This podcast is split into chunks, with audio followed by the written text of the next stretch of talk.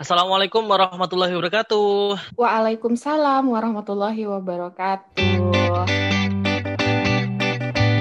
Selamat datang di Pentas, PNS Cerita Integritas. Integritas.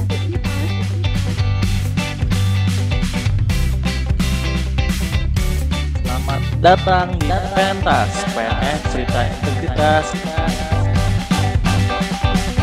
Halo teman cerita semua, kami selalu berharap semua teman cerita sel sehat selalu ya.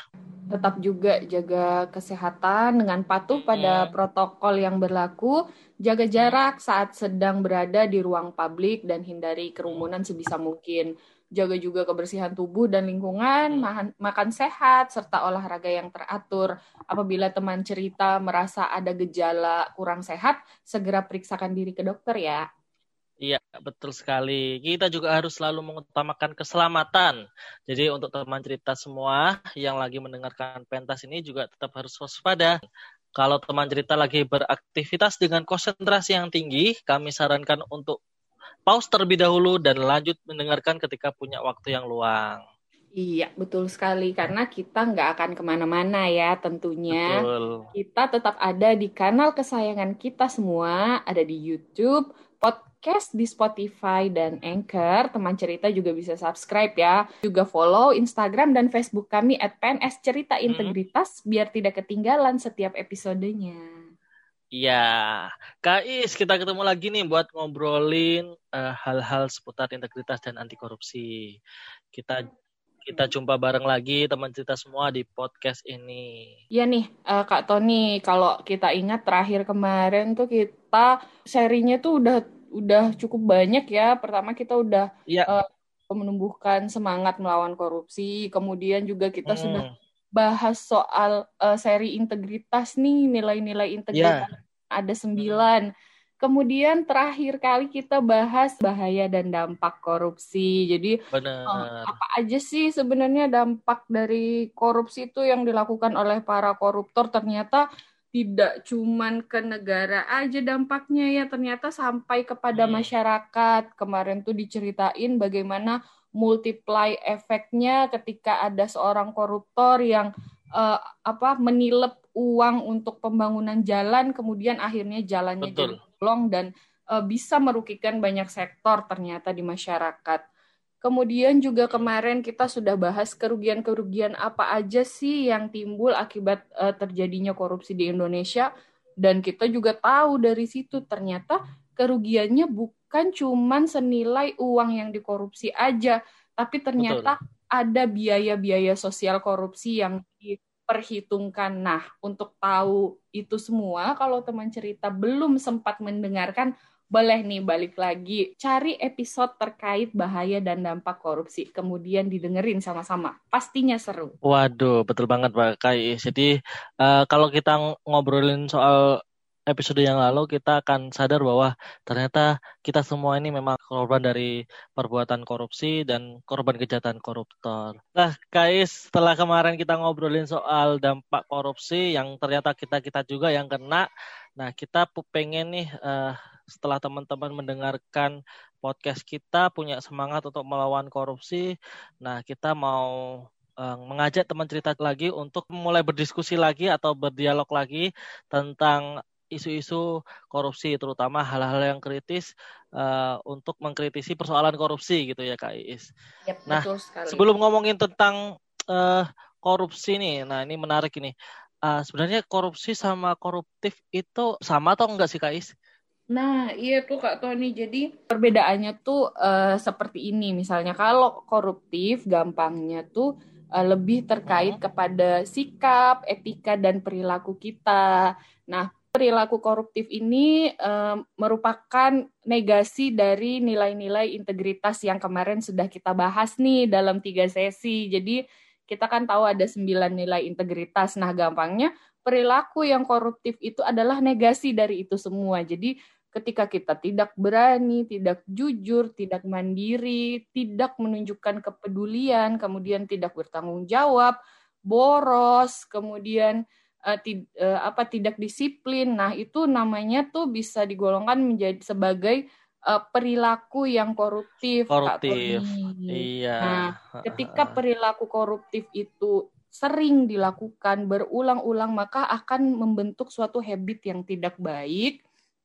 Kemudian ketika nanti uh, orang itu mendapatkan kesempatan uh, apa wewenang uh, yang lebih tinggi lagi, nah itu akan memicu terjadinya tindak pidana korupsi. Nah, jadi udah udah keluar nih klunya kalau tadi koruptif berhubungan dengan etika dan perilaku, kalau korupsi itu perbuatan-perbuatan yang melanggar hukum, Kak Tony. Jadi eh, kalau kita melakukan korupsi, tindak pidana korupsi, ya pasti akan ada hukuman pidananya dari negara. Nah, jadi itu tadi ya eh, perbedaannya antara perilaku yang koruptif dan tindak pidana korupsi. Sebenarnya koruptif, korupsi itu apa sih pengertiannya? Nah, istilah korupsi berhas, berasal dari bahasa Latin yang artinya corruptus, artinya tuh buruk, bejat, menyimpang dari kesucian, perkataan menghina atau memfitnah. Jadi seperti itu dia tuh dari bahasa Latin. Baik perilakunya maupun tindak pidananya sama-sama buruk dan menyimpang dari kesucian. Nah, kalau di Kamus Besar Bahasa Indonesia sendiri, korupsi diartikan sebagai penyelewengan atau penggelapan uang negara atau perusahaan hmm. dan sebagainya untuk kepentingan pribadi maupun orang hmm. lain. Kemudian di pasal 3 Undang-Undang Nomor 31 tahun 1999, korupsi hmm. disebutkan sebagai setiap orang yang dengan tujuan menguntungkan diri sendiri atau orang lain atau suatu hmm. korporasi menyalahgunakan kewenangan, kesempatan atau sarana yang ada padanya karena jabatan atau kedudukan yang dapat merugikan keuangan negara atau perekonomian negara. Nah, di sini nih banyak kata kuncinya ternyata ya Kak benar, benar, benar. muncul. Iya. Jadi menguntungkan diri sendiri, menyalahgunakan kewenangan atau sarana karena jabatan yang dapat merugikan keuangan negara. Jadi uh, terpenuhinya unsur-unsur itu maka akan terjadilah tindak pidana korupsi. Seperti itu Kak Tony kira-kira. Wah, berarti memang seperti itu pengertiannya teman kita uh, korupsi dan perbedaannya dengan koruptif. Jadi kalau koruptif itu yang tidak kita lakukan untuk menjunjung nilai integritas itu hmm. Uh, termasuk perilaku koruptif. Sedangkan korupsi tegas-tegas disebutkan di uh, baik di asal katanya dari bahasa Latin, kemudian ada KPBI dan uh, disebutin juga melalui undang-undang ya, undang-undang tindak pidana korupsi. Nah, yep. berangkat dari pengertian uh, eh, KIS tadi di pasal 3 berarti disebutkan bahwa korupsi merupakan tindak pidana kejahatan dan setiap tindak pidana kejahatan pasti ada perbuatan yang melanggar hukum. Di Indonesia ini, Kais, ada dasar hukum untuk pemberantasan korupsi. Nah, kalau teman okay. kita uh, dengerin kemarin di episode sadar dampak bahwa korupsi itu kejahatan yang luar biasa, maka aturan hukum yang menjadi dasar penindakan kejahatan korupsi ini juga harus yep. diatur dalam peraturan yang khusus. Jadi kalau di Indonesia mengenal KUHP, kitab undang-undang hukum pidana. Nah, korupsi ini dikeluarin uh, karena perlakuan terhadap korupsi ini kejahatannya khusus, ya kejahatan luar biasa, maka harus ada undang-undang yang mengatur sendiri. Nah, Undang-Undang Tipikor yang mengatur itu di nomor 31 tahun 1999, junto Undang-Undang nomor 20 tahun 2001 tentang pemberantasan tindak pidana korupsi. Nah, selain itu juga ada undang-undang uh, yang terkait hal lain misalkan undang-undang tindak pidana pencucian uang atau yang paling hmm. anyar undang-undang uh, tahun 2019 kemarin undang-undang revisi tentang uh, lembaga komisi pemberantasan korupsi. Tapi kali ini kita akan bahas tentang undang-undang tipikor ini aja Kak Is. Nah. Oke, berarti kita fokus ke undang-undang 31 tahun 99 Junto 20 hmm. tahun 2001 ya. Nah, kalau tadi KI sudah mengambil pasal tiganya tentang pengertian korupsi itu ada di situ. Nah, kalau di undang-undang ini apa ada apa lagi KI? Atau nah, ada klasifikasi tindak pidana korupsinya gitu KI? Iya, benar sekali. Di situ dijelaskan ada 30 delik tipikor, kemudian dikelompokkan hmm. menjadi tujuh tindak pidana korupsi ini Kak Tony. Oke, sip. Nah, tujuh itu apa aja sih sebenarnya? Yang pertama uh, adalah perbuatan yang merugikan negara.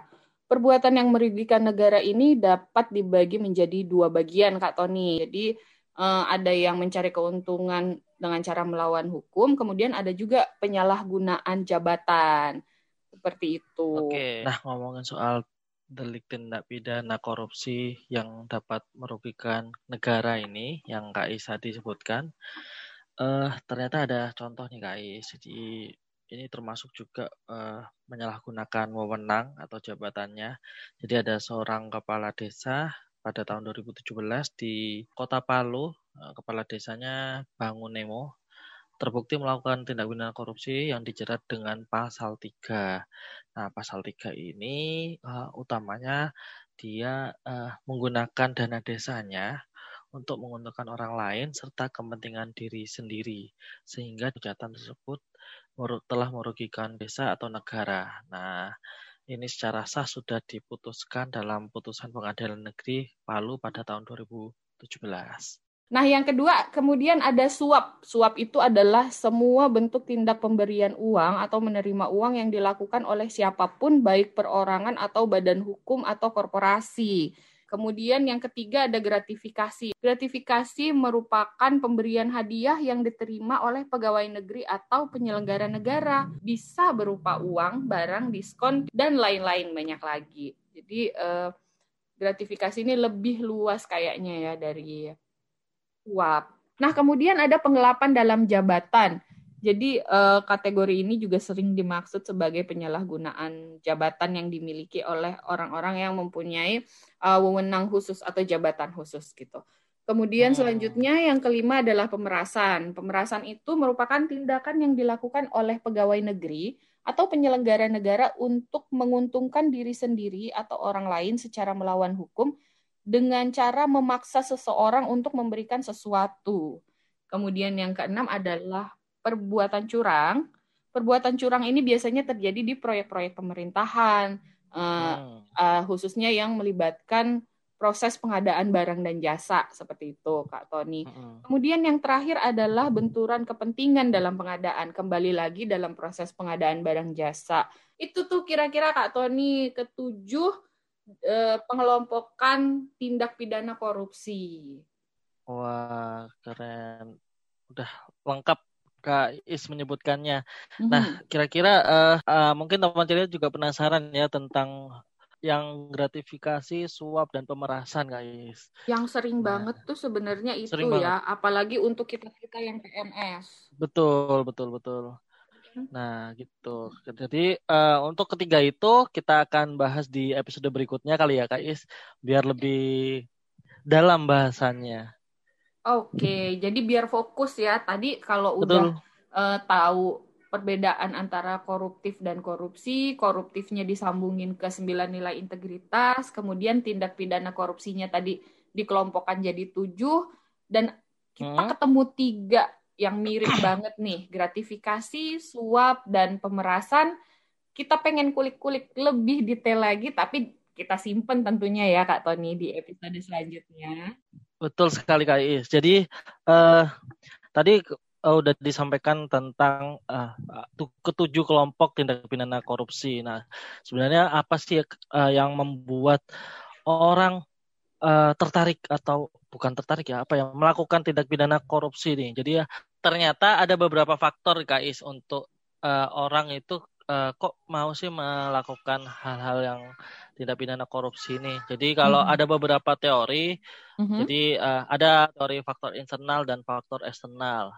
Menarik nih apa yang kita apa yang tadi Kak Tony sampaikan tentang uh, kenapa sih apa sih yang membuat orang akhirnya mau hmm. sampai mau gitu loh uh, melakukan uh, tindak pidana korupsi. Tentunya pasti ya. akan kita bahas lebih detail juga dong ya Kak Tony. Benar benar benar. Hmm. Oke, nggak sabar nih uh, saya menantikan episode itu. Pastinya juga teman cerita seperti itu. Jadi mm-hmm. gitu ya teman cerita semua. Uh, yuk mm-hmm. pantengin terus kanal media pentas untuk obrolan lebih lanjut soal tindak ya. pidana korupsi ini. kita juga mau ngajakin teman cerita nih biar pentas bisa jadi lebih baik, bantu kami untuk mengisi hmm. formulir feedback ya teman cerita, feedback saran dan masukan Betul. dengan mengetik S titik ide garis miring teman cerita. Nanti linknya juga kami taruh di caption. Betul sekali Kak. Selain hmm. itu, teman cerita juga bisa mengajak kami bekerja sama atau berkolaborasi dengan kontak kami langsung ke email pnsceritaintegritas@gmail.com atau bisa direct message Instagram dan Facebook kami at PNS Cerita Integritas atau chat kami di 0856 4686 9204.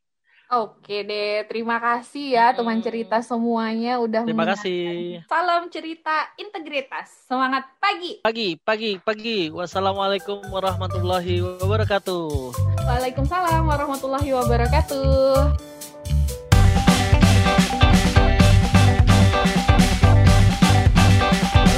Cerita integritas.